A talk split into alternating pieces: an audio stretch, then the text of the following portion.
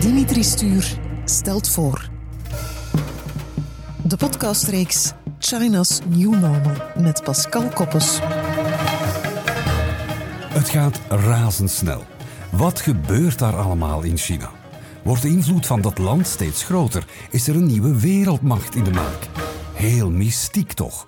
Als ik China hoor, denk ik aan Alibaba, camera's en robots.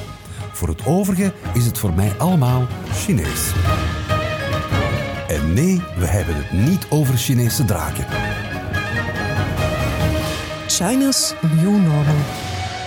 We zijn aanbeland bij de tiende podcastaflevering van China's New Normal, gebaseerd op het gelijknamige boek van auteur Pascal Koppes. Dit is een aflevering waarin we terugblikken op de voorbije thema's die aan bod kwamen. En allemaal slimme thema's.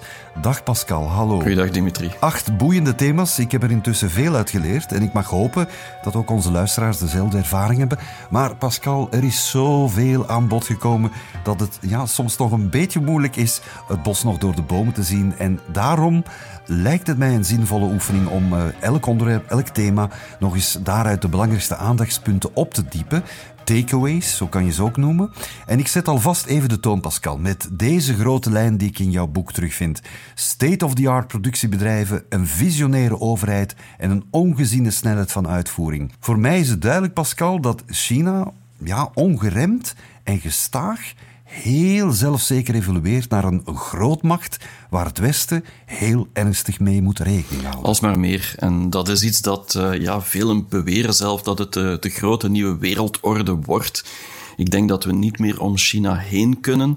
Uh, gewoon omwille van zijn, zijn kracht die, die, die het land vandaag heeft. En dan heb ik het niet alleen over de overheid, want dat, daar horen we vaak over, maar vooral die, die ondernemers en, en die consumenten die gewoon alsmaar vooruit willen. En inderdaad, ik denk dat uh, China alsmaar meer de trend en de standaard zal zetten uh, voor de toekomst. Ja, maar ook de toon is intussen veranderd. Hè. Dat staat nu wel niet zozeer in jouw boek, maar het is echt geëvolueerd. De Chinese overheid communiceert anders naar het Westen toe de laatste tijd, heb ik de indruk. Ze zijn veel assertiever geworden. En dat heeft een stukje te maken met het feit dat uh, China natuurlijk voor zijn bevolking, zijn eigen bevolking, altijd een mooi verhaal heeft willen vertellen.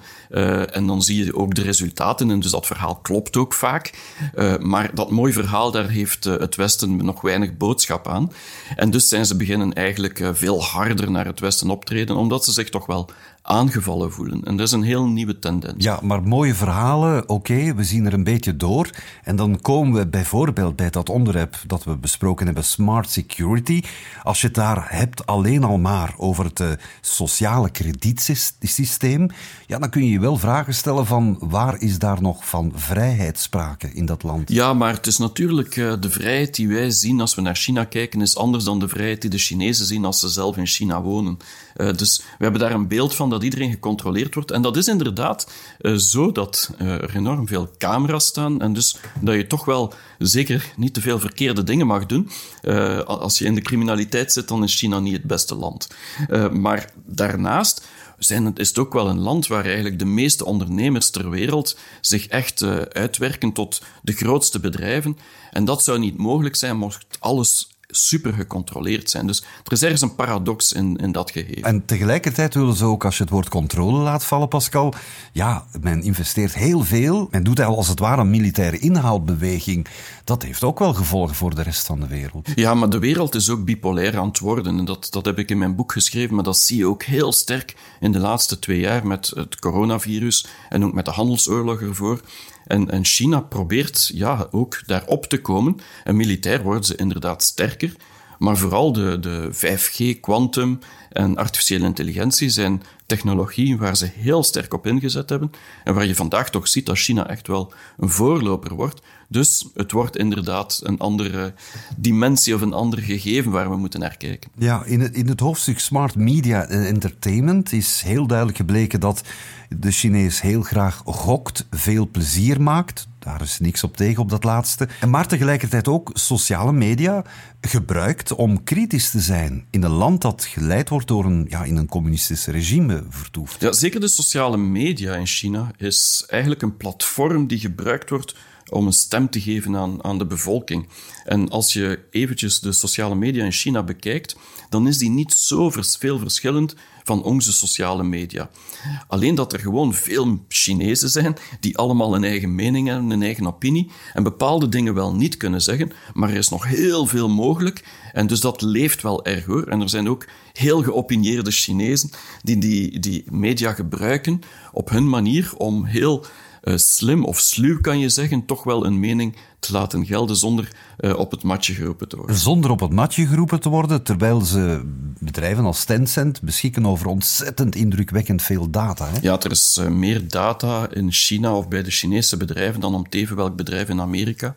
En dat heeft gewoon te maken met het feit dat er heel veel Chinezen zijn ten eerste, maar ook dat ze gemakkelijk die data geven aan, aan de bedrijven, maar ook dat die bedrijven zoals Tencent of Alibaba in zoveel sectoren zitten dat ze ook heel veel weten van de mensen in verschillende omgevingen waar ze zitten. Dus er is heel veel contextuele data. En dat maakt het interessant omdat ze niet alleen weten wie je bent of waar je woont, dat is niet zo belangrijk, maar vooral wat al uw connecties zijn met eigenlijk wat je graag hebt en dat zijn de dingen waar de, de bedrijven natuurlijk uh, bepaalde producten of diensten kunnen op, uh, op aansluiten. Ja, en dan zitten we eigenlijk bij het onderwerp retail, smart retail, en die is bijzonder slim. Uh, e-commerce ja, staat daar op een ongekend ander niveau dan wij tot nu toe hier kennen in het Westen, denk ik. Veel mensen beseffen het niet goed, maar eigenlijk heeft China 40% van de e-commerce wereld in handen. Wat dat betekent, is dat één op twee mensen die online koopt, is een Chinees.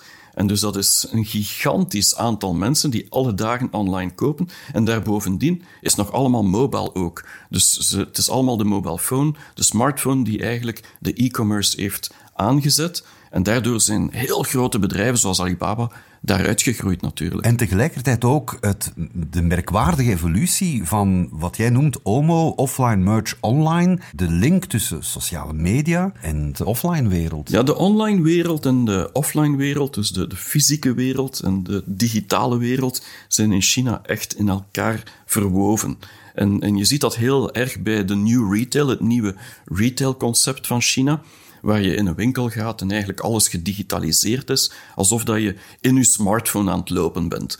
En als je dan online gaat en je bestelt iets, dan krijg je het direct eigenlijk binnen de 30 minuten of 60 minuten geleverd thuis. Dus die online merge offline wereld is echt een symbool.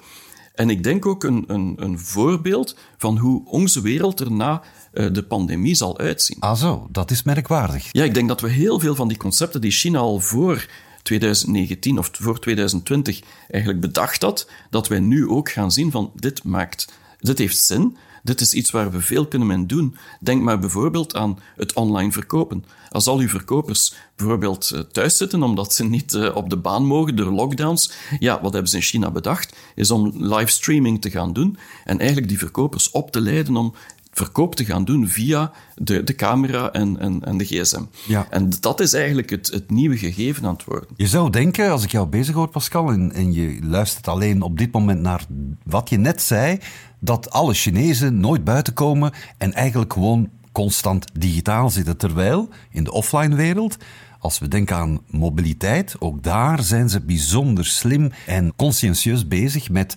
mobiliteit eigenlijk uh, ja, op, op een hoog level, op een hoog niveau te zetten. China is eigenlijk volgens mij een voorloper op vlak van mobiliteit. Maar het is net omwille van die mobiliteit dat eigenlijk de Chinees nooit ter plaatse is. Hij zit misschien niet binnen, maar hij zit altijd op een andere plaats dan dat je hem verwacht. En dus dat creëert een noodzaak om dingen te moeten kopen. Als je bijvoorbeeld op, op business trip bent naar Beijing en je wil iets kopen voor thuis, ja, dan kan je dat laten leveren in Shanghai zonder probleem. Dus die mobiliteit spreekt dat niet echt tegen. Maar je ziet ook dat China dus een enorme mobiliteit gecreëerd heeft van hoge snelheidstreinen. Voornamelijk is, is het mooiste voorbeeld waar ze op ja, tien jaar tijd 26.000 kilometer hoge snelheidstreinlijnen gezet hebben, meer dan de hele wereld samen. En dus dat, dat is gewoon een gegeven dat iedereen eigenlijk uh, zich meer en meer mobiel uh, aan het bewegen is in China. Niet alleen de trein, Pascal, maar ook de elektrische wagens, de, ja, de EV's Dat is ook wel een uh, gigantische vooruitgang die men boekt daar. Het is de grootste markt ter wereld, elektrische wagens. Het is nu 40% van de wereld. Het was voordien 50%, maar het Westen begint ook nu meer en meer elektrische wagens te kopen. Maar het blijft de grootste markt ter wereld. En dat heeft voornamelijk te maken met die pollutieproblemen of milieuproblemen in China maar ook omwille van het feit dat elektrisch rijden eigenlijk uh, de toekomst is op zich uh, en dat China die afhankelijkheid van die olie uit het Westen wil vermijden. En dus elektrisch. Ja, bijna alle wagens buiten Tesla uh, in China zijn Chinese wagens die verkocht worden. Dat is een gigantisch aantal. Ja, en ik weet waar Pascal in de toekomst waarschijnlijk mee rondrijdt. Een NIO. een NIO zal een van mijn uh, droomwagens zijn van de toekomst, inderdaad. Ja, ja en waarom precies? Is het zo afwijkend van wat wij kennen hier in het Westen, de Tesla? Ja, het is een heel futuristische wagen. Uh, maar ik zou de, de Polestar van Volvo, dus de Geely van China, ook wel, wel kunnen lusten. Ja, oké. maar we gaan het niet over eh, de, de kostprijs en aanschafprijs hebben, maar goed. Maar misschien toch wel, want de Chinezen, wat, we, wat ik geleerd heb uit onze gesprekken ook, het, het, gaat daar goed. Hè. Ik bedoel, het, is een, het, lijkt, het is een communistisch regime, maar je zei ooit, ze zijn kapitalistischer dan wij ingesteld. Het is heel moeilijk om dat nog communistisch te noemen, China.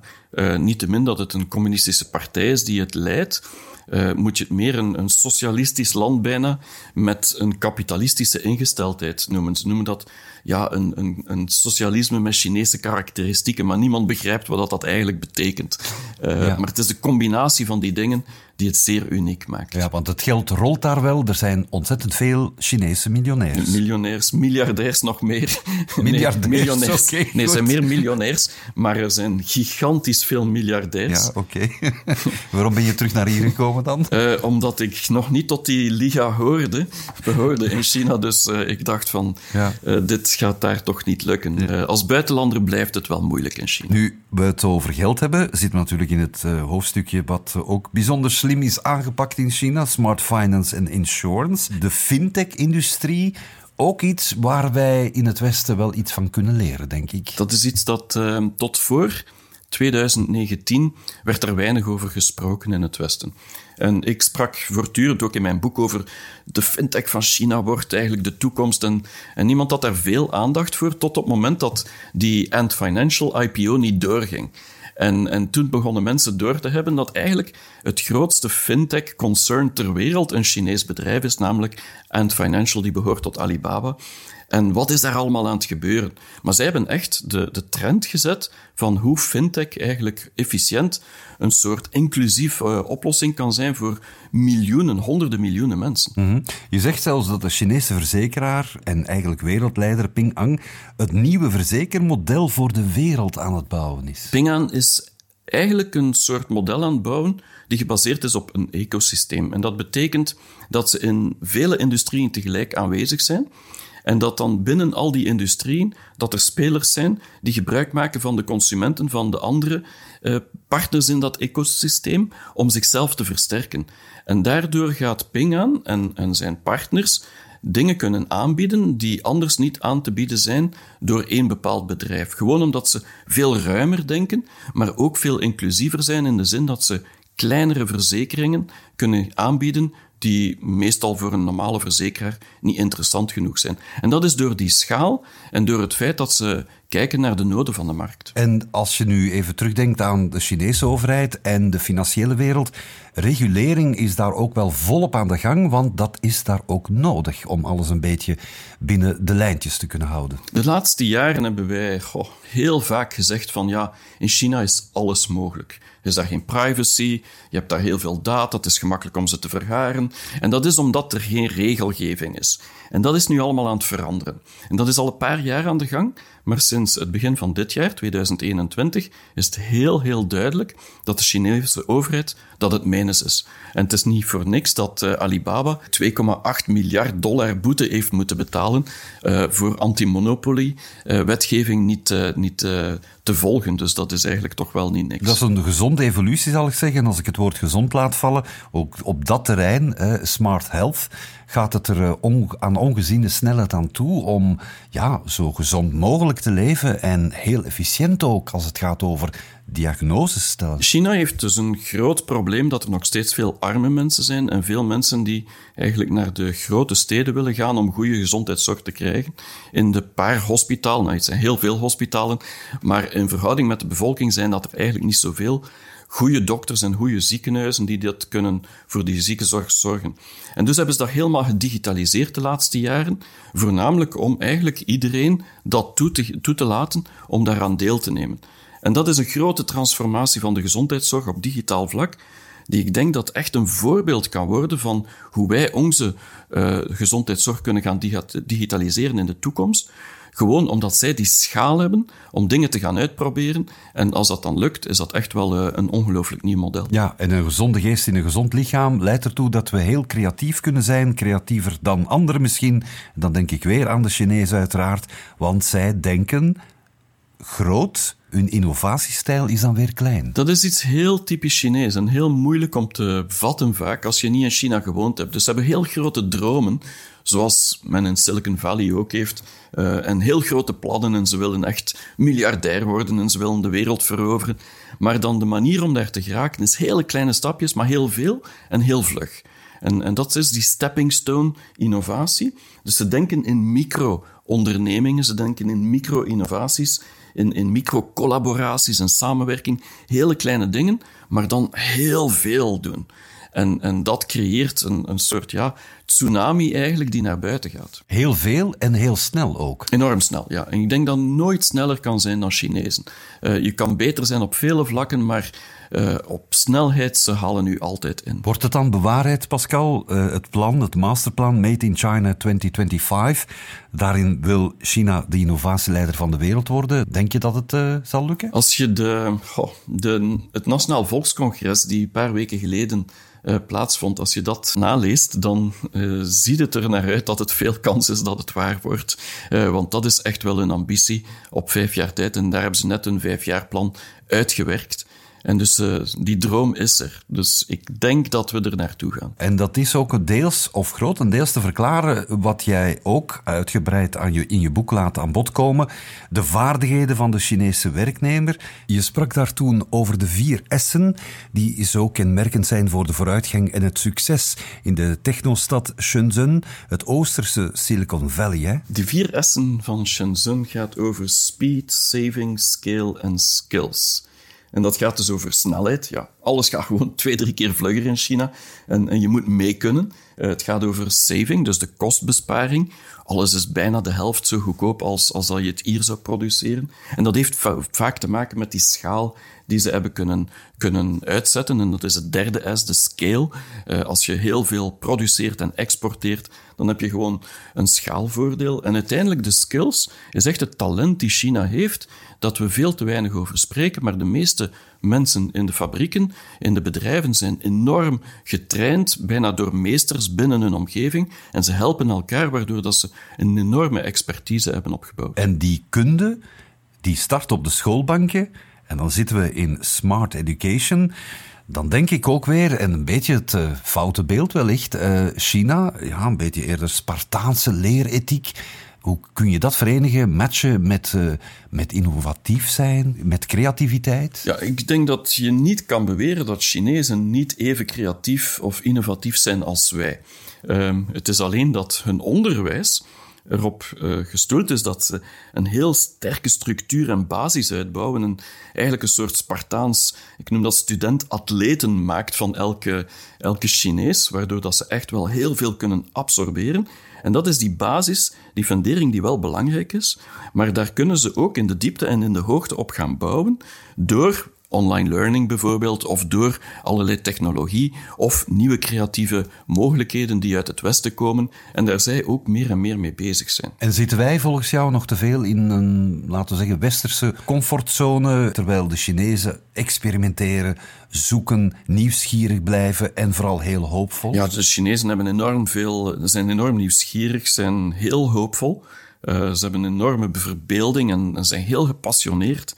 En, en dat creëert een soort drive een, een goesting om eigenlijk verder te doen en, en eigenlijk te gaan exploreren. En, het zijn verkenners op zich.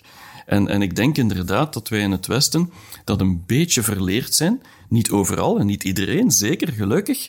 Maar je voelt wel dat wij meer schrik hebben van de toekomst dan er naar kijken, naar die toekomst. Als ik een van de laatste pagina's van je boek erbij neem, dan heb je daar drie conclusies die je meegeeft aan de wereld, zal ik maar zeggen. Ik zou willen beginnen met de laatste en eindigen met de eerste. De laatste heet Omarm een nieuwe mentale kaart. Kan je dat eens even toelichten? Ja, ik denk dat we eh, China anders moeten gaan bekijken.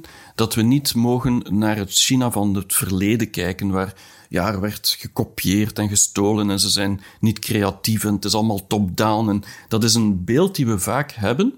Uh, om, en dat was ook juist voor heel veel decennia lang. Maar vandaag de dag eh, begint China een heel ander beeld te hebben van zichzelf. En dus wij moeten dan ons beeld ook veranderen van China. Anders zitten wij te kijken naar een oud China. En je maakt ook een mooie vergelijking tussen het Silicon Valley-model en China, om China net beter te begrijpen. Ja, het, het Silicon Valley-model is, is een model die, die eigenlijk een basis is om China te begrijpen. In de zin dat in Silicon Valley denken ze ook aan schaal, denken ze ook direct aan grote investeringen. Ze hebben grote dromen, uh, ze, ze, ze, ze hebben echt technologie willen ze. Dus al de dingen die positief zijn aan Silicon Valley, die de grote bedrijven zoals Amazon en, en Facebook heeft gecreëerd, dat bestaat in China ook.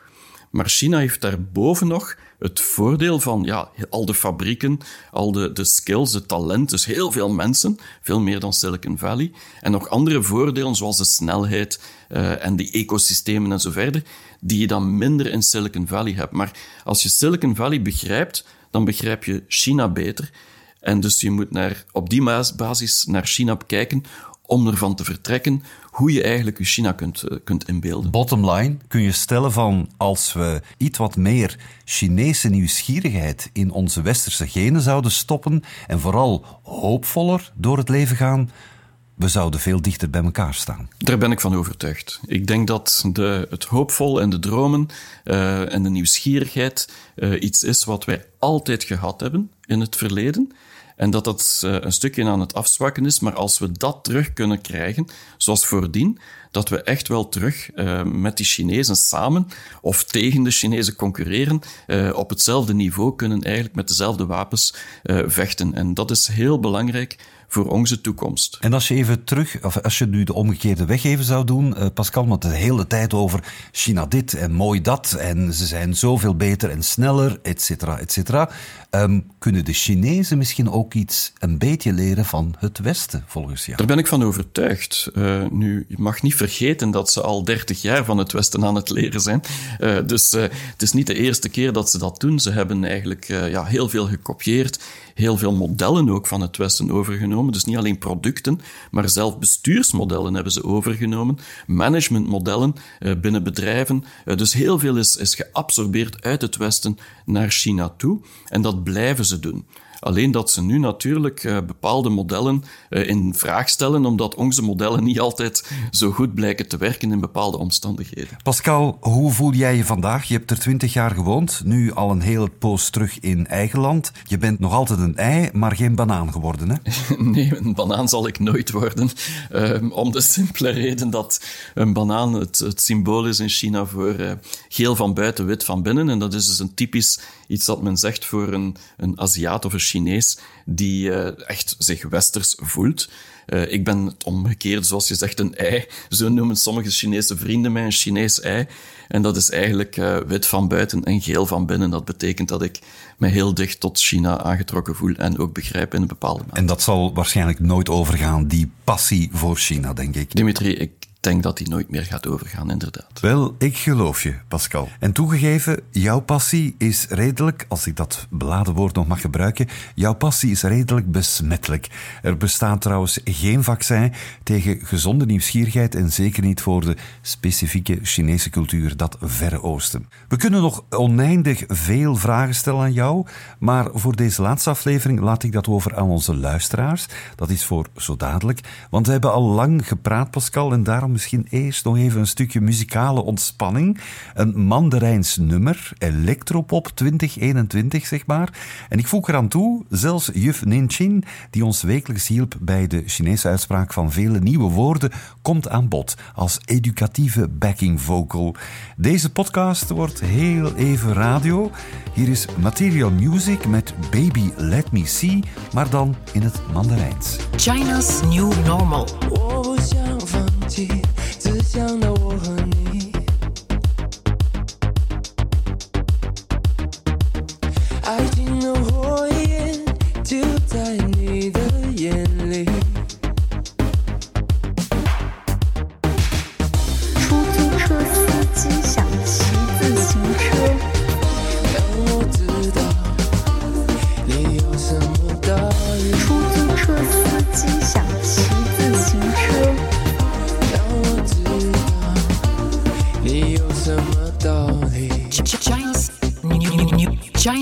New Normal.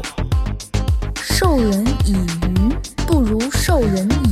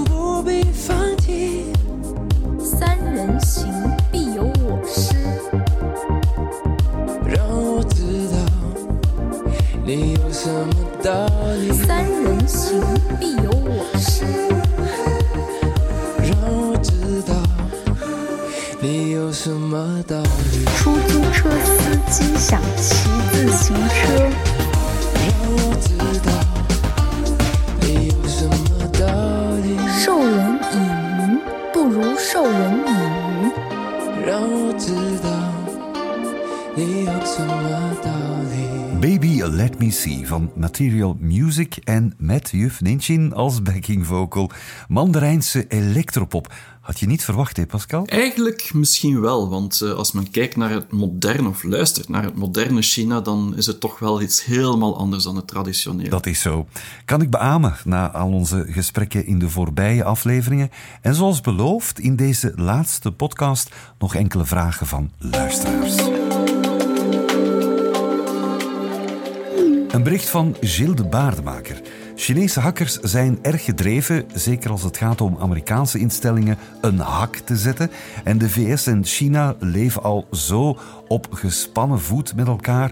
Is cybercriminaliteit een echte bedreiging, zelfs een nieuwe vorm van koude oorlog? Is cybersecurity aan beide kanten een must, stelt Gilles de Baardemaker. Ik denk wel dat eh, cyber eh, security een grotere aandacht nodig heeft in de toekomst. En dat inderdaad eh, cybercriminaliteit een wereldfenomeen aan het worden is. Nu, het is wel grappig eh, dat China daar altijd zogenaamd de, boze man achter zit. Want onlangs nog in Alaska op die meeting met eh, Anthony Blinken, de nieuwe staatssecretaris van, eh, onder Biden, eh, dan zei hij dat ook. In, in het publiek zei hij van ja, de aan de Chinezen die tegenover hem stonden, van je moet toch wel stoppen met die cyberattacks op Amerika. En Yang Jiechi, die de partijleider is van, van China, die zei dan als reactie, zegt hij ja, maar om eerlijk te zijn, eh, als het gaat over de aanvallen eh, op, eh, op cybervlak of de mogelijkheid om het te doen, dan is Amerika toch nog veel beter dan wij. Ja, beide zijn er niet vies van, dat is duidelijk. De volgende vraag kreeg ik binnen van Peggy Aerts en die heeft betrekking op de Chinese militaire aanwezigheid in de Zuid-Chinese Zee. Ja, er is daar heel wat getouwtrek tussen de VS en China, veel spierballengerol. De ene doet daar grootse oefeningen, wat de andere ziet als een provocatie. Hoe onvlambaar is die regio, Pascal? Hoe machtig kan maritiem China worden, vraagt Peggy Aerts zich af. Goh, de, de regio is, is denk ik heel erg ontvlambaar. En ik denk dat het niet alleen eh, door China is, maar inderdaad de, de omgeving, de regio, is, is heel erg. Iedereen wil daar zijn eigen gebied. En, uh, en iedereen claimt zijn eigen gebied. En het grootste verschil met het verleden is dat maritiem China 10, 20 jaar geleden niet veel voorstelde. En nu dus wel. En ze claimen dus die eilanden in de Zuid-Chinese Zee. En dat maakt natuurlijk uh, heel wat oproer in het Westen. Nu, langs de andere kant uh, is het vanuit Chinees standpunt een soort bescherming, omdat ja, als die Zuid-Chinese Zee zou eigenlijk geblokkeerd worden door het Westen, dan zijn een, een hele uh, handel en, en met de rest van de wereld eigenlijk kwijt. En dus, dus de Chinezen zien dat meer als een bescherming, wij zien dat vaker als een aanval. Het is moeilijk te zeggen wie juist is en niet juist, maar het gaat terug tot uh, bijna 100 jaar geleden, zelfs langer soms, uh, over al de grenzen met China. En dus dat zijn hele moeilijke discussies. Maar wat duidelijk is, is dat China alsmaar militair sterker aan het worden is. En dat ze dus ook minder aanvaarden dat bijvoorbeeld Amerikanen in die regio met, met militaire oefeningen bezig zijn. En dat is dus ontvlambaar. Wie natuurlijk de oorzaak is van die, die spark, dat is altijd uh, ja, een kat-en-muisspel op dit moment. En Taiwan zit daar middenin. Maar Taiwan zit nog, zou ik zeggen, politiek nog complexer in, in elkaar dan die paar eilanden. Uh, Taiwan heeft echt te maken met ja, die uh, provincie die, die eigenlijk zich losgetrokken heeft van het, van het vasteland in 1949. En dat, ja, dat is iets dat uh, China nooit verteerd heeft. En, en, die willen dat terug op een of andere manier. Ja, dus heel explosieve regio, zeg maar. Een klein foutje, een verkeerde inschatting, een foute interpretatie kan zware gevolgen hebben. Ja, ik denk, uh, hetgeen dat we het meest schrik moeten van hebben, is dat er inderdaad iets verkeerd loopt. Uh, of aan de Indische grens, of Taiwan, of, of in de Zuid-Chinese zee. Dus er moet niet veel gebeuren. Uh, het probleem is dat beide kanten, als je de media in China uh, erop na aanhoort, dan, dan hoor je net hetzelfde verhaal als, als wat wij zien, maar dan in de andere richting. En dus wie is, wie is in de fout wordt heel complex. Ja, complex, dat is het zeker. Laten we even weggaan van die geopolitiek dan. Met de, de, volgende vraag van Chlo Willaert zitten we terug in de commerciële sfeer. E-commerce is in China alledaagse koek. Fysiek shoppen bestaat nog maar eerder als een soort van uitstap naar een pretpark, zoals je zelf ooit aangaf, Pascal. Het kopen zelf gebeurt quasi integraal online. Alibaba is er groot mee geworden. En vandaag is het fenomeen van livestream shopping onder meer op de Chinese online marktplaats Taibao. Chlo Willaert vraagt zich af of livestream shopping ook overwaait naar het westen via uh, Instagram of het populaire TikTok, overigens ook uh, Chinees van oorsprong. Hè? Er zal meer en meer van die elementen uit Chinese e-commerce uh, bij ons aandacht krijgen en ook veel meer bedrijven gaan die beginnen incorporeren. Dus je ziet altijd dat er zo'n twee, drie jaar achter dat we achterzitten op, op China voor veel van die elementen. Nu, er zijn wel een aantal dingen die zeer typisch Chinees zijn, maar ik zou dat niet echt Chinees noemen. Ik zou het meer noemen dat de infrastructuur in China gewoon beter voorzien is voor een aantal zaken te doen die voor ons moeilijker zijn. Ik denk bijvoorbeeld aan, aan logistiek. Uh, je moet, als je in China een, een ongelooflijke logistieke omgeving hebt, dan is e-commerce ook een stuk gemakkelijker en online en offline te combineren. Denk bijvoorbeeld aan die super-apps van WeChat. Als je dat hebt, kan je dus het sociale combineren met, met het kopen en e-commerce. En dat hebben wij nog niet zo. Op KBC heb je al een paar dingen dat ze bezig zijn. Facebook is met Shopify bezig. En dus iedereen is aan het zoeken. Uh, maar het, het, je hebt de infrastructuur nog niet helemaal. Uh, dan heb je wel dingen zoals mobile payment, die er wel al is in, in, Europa en in het Westen. Uh, e-commerce in het algemeen, het sociale zal er ook meer aan gecombineerd worden. En livestreaming zal zeker zijn, zijn intrede doen in meer en meer in het Westen. Daar ben ik van overtuigd. Dat is, dat is niet iets specifiek Chinees. Uh, alleen dat het in China al een business is en hier nog altijd bij enkele mensen zit die, uh, die grote influencers zijn. Ja, en ook het profiel van de Chinese consument is niet helemaal hetzelfde als de westerse consument. Door een uitgebreidere digitalisering, we hebben het er vaak genoeg over gehad, ja, zijn er ook meer mogelijkheden en zijn ze ook sneller toegepast daar in China. Uh, de westerse consument, Pascal, loopt een beetje achter dan. Ja, ik denk drie, drietal jaar zou ik zeggen, als ik er een, een datum mag opzetten. Op dit moment in, in consumentencomfort uh, om eigenlijk dingen online of offline te kopen is echt wel uh, een aantal jaren voor op, op, op het Westen. Oké, drie jaar inhaalbeweging aan deze kant dus. We zijn gewaarschuwd. De VS reanimeert internationaal klimaatbeleid. Biden is heel ambitieus, maar hij moet wel China meekrijgen, want samen zijn de VS en China verantwoordelijk voor bijna de helft van alle uitstoot wereldwijd. Een vraag van Peter Stevens: gaan de VS en China elkaar vinden in zo'n internationaal klimaatbeleid? Gaan ze samenwerken, denk je? Daar ben ik van overtuigd. Uh, ik, ik denk trouwens dat het niet Amerika is die China moet overtuigen, maar China probeert al paar jaar Amerika te overtuigen zeker onder Trump. Onder Biden is dat nu minder nodig. Maar inderdaad, eh, China heeft 28% van de CO2 die de lucht in, induwt. En, en dat is toch ja, een gigantisch uh, hoeveelheid. Het is natuurlijk ook de fabriek van de wereld. Als je het per eenheid of per persoon berekent, per capita, uh, zit China eigenlijk veel beter dan Amerika. Dus Amerika moet wat dat betreft, doet het minder goed. Maar ja, het is niet het aantal Chinezen die telt, het is het aantal uitstoot van CO2 die telt. En dus China heeft een veel grotere taak uh, voor zich dan Amerika. Bijna drie, vier keer zo groot in, in, in financiële inzet. Dus een, een investering om klimaatneutraal te worden. Maar als ik kijk gewoon naar wat de laatste jaren in China gebeurt op vlak van groene leningen, op vlak van investeringen in zonnepanelen, in, in, in elektrische voertuigen, in, in alle mogelijke smart cities die alles bevorderen en fabrieken die gesloten worden op, op massaal vlak, dan, dan denk ik dat China zeker uh, niet degene zal zijn die, die vertraagt, die alles zal vertragen. Maar ze gaan moeten samenwerken.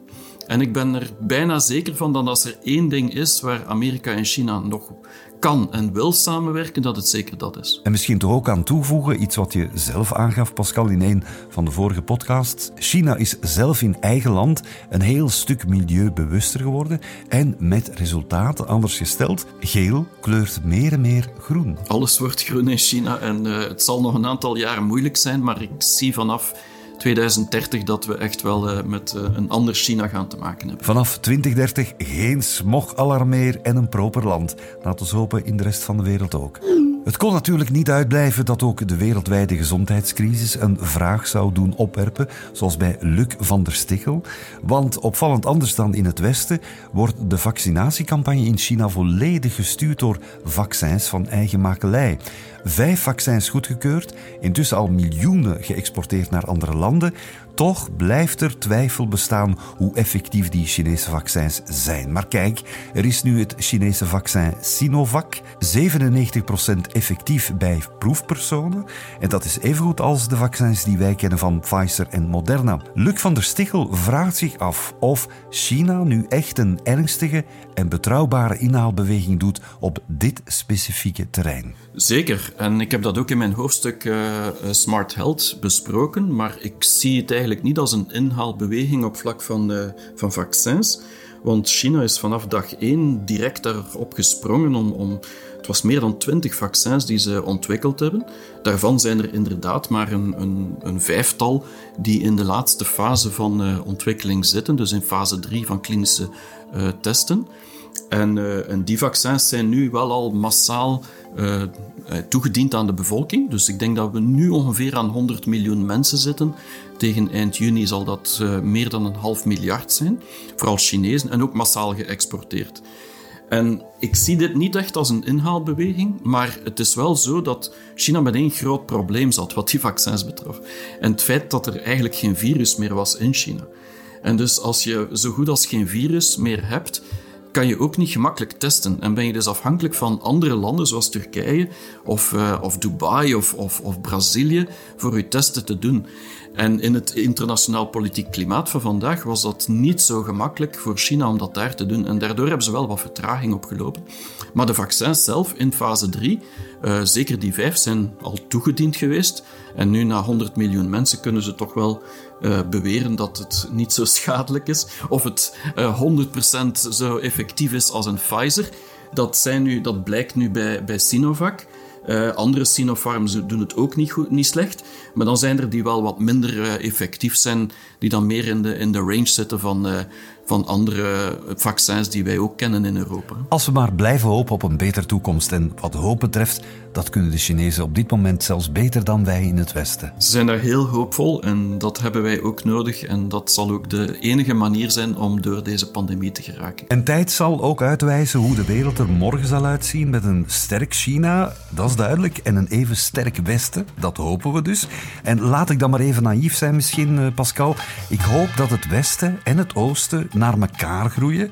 We staan, denk ik, zoveel sterker dan tegenover elkaar. En daar zal de wereld ook dankbaar voor zijn, want het is toch maar een kwestie van wederzijds vertrouwen, want we kunnen ontzettend veel van elkaar leren, denk ik. Ja, ik denk dat we meer bruggen moeten bouwen, maar het is niet zo gemakkelijk. Eh, Dus eh, ik denk dat eh, podcasts zoals de deze en nog vele andere informatie misschien een ander beeld kan geven over wat er allemaal mogelijk is. En dan, ja, dan kunnen we inderdaad gaan samenwerken en eruit leren. Pascal, dank je wel om week na week met jou te mogen praten over China, jouw ervaringen, jouw inzichten. Ehm, wie een goede start wil maken, kan terecht in jouw boek nog steeds, China's New Normal. Een stevige inleiding, daar kan ik van meespreken, om China toch een beetje beter te leren begrijpen. En hopelijk heeft deze podcast er een beetje ook aan toe bijgedragen. Pascal, ik kijk uit naar je volgende publicatie. Ja, daar ga ik nog niet zoveel over vertellen, maar ik eh, ben, in elk geval wil ik jou ook heel erg bedanken voor deze podcast. Het was heel, heel aangenaam. En, eh, en ik ben blij dat we door al die hoofdstukken geraakt zijn. En eh, ik heb ook heel wat geleerd van eigenlijk deze gesprekken zelf. Met heel veel plezier en heel veel dankbaarheid, Pascal. En nu ga ik het toch proberen in het Chinees. Tot ziens, Pascal. Zai Tian.